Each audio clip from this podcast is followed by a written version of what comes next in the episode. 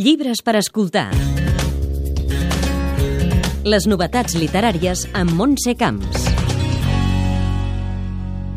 Anna Ponsoda, filòsofa, articulista i periodista, debuta en la novel·la amb un llibre de gran impacte, Els llits dels altres. We were locked in this kitchen I took to religion. El llibre d'avui. Wondered how long.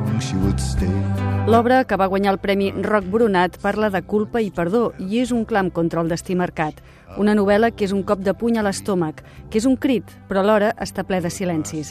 Miquel Adam és editor de l'editorial Amsterdam. té un talent que és una cosa dificilíssima d'aconseguir no? els escriptors, que és amagar, explicar coses amagant-les. No? És una cosa que, bueno, que la- que l'Elisabeth Straut és una, de, una mestressa d'això, per exemple. Ella també, amb aquests silencis, amb aquestes coses que no, que no explica o, o que no ensenya, la, la novel·la aconsegueix respirar. La novel·la explica la història de la Claustra, un nom molt metafòric. És una dona d'entre 30 i 40 anys que torna al poble d'infància i es troba amb una antiga companya.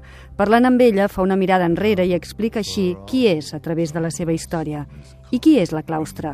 Doncs una persona ja feta amb una infància molt dolorosa, amb un capítol terrible que ja ens descriu de bon principi, amb una mare victimista i depressiva i un pare borratxo i absent, i el qual, malgrat tot, descriu amb un punt de tendresa. Una dona que creix no sabent si l'han estimat i, sobretot, si l'han estimat bé.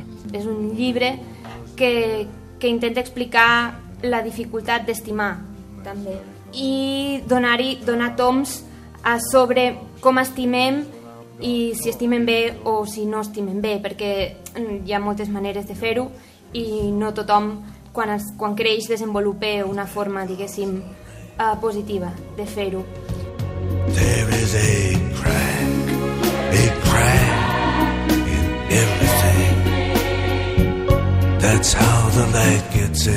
En aquesta absència d'amor, la protagonista es fa gran completament perduda i busca el control a través del menjar. era l'exploració d'un personatge. El que vaig voler era desmuntar-lo i muntar-lo un altre cop, no?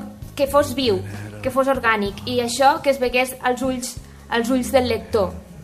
Explorar, d'alguna manera, les relacions entre, entre el cos i l'esperit, no? I, i en aquest cas uh, un, un tema com l'anorèxia m'ho permetia fer perquè són malalties que relliguen les dues coses, no? La recerca de la identitat que fa en part a través dels llits dels altres del títol, amb un únic objectiu, lluitar contra el destí marcat. És un text que es pot llegir com una història de redempció, en el sentit que és un, és un text, si es vol dir, contra les cartes marcades, no? contra el determinisme en un sentit ampli del terme, una manera de dir el camí que semblava que estaves condemnat a prendre, doncs eh, el pots burlar, no? Tres bars són els escenaris de bona part de la novel·la que està escrita en primera persona i que acaba sent, com diu l'autora, una defensa del perímetre de llibertat que tothom mereix en néixer. I stumbled out of bed. I got ready for the struggle. I had my. També parla de llibertat individual la novel·la Cara de pan, de Sara Mesa, publicada per Anagrama. La protagonista és una nena de gairebé 14 anys que fa campana a l'institut i es troba cada dia en un parc amb un home de 54 anys amb qui estableix una relació complexa i enrarida.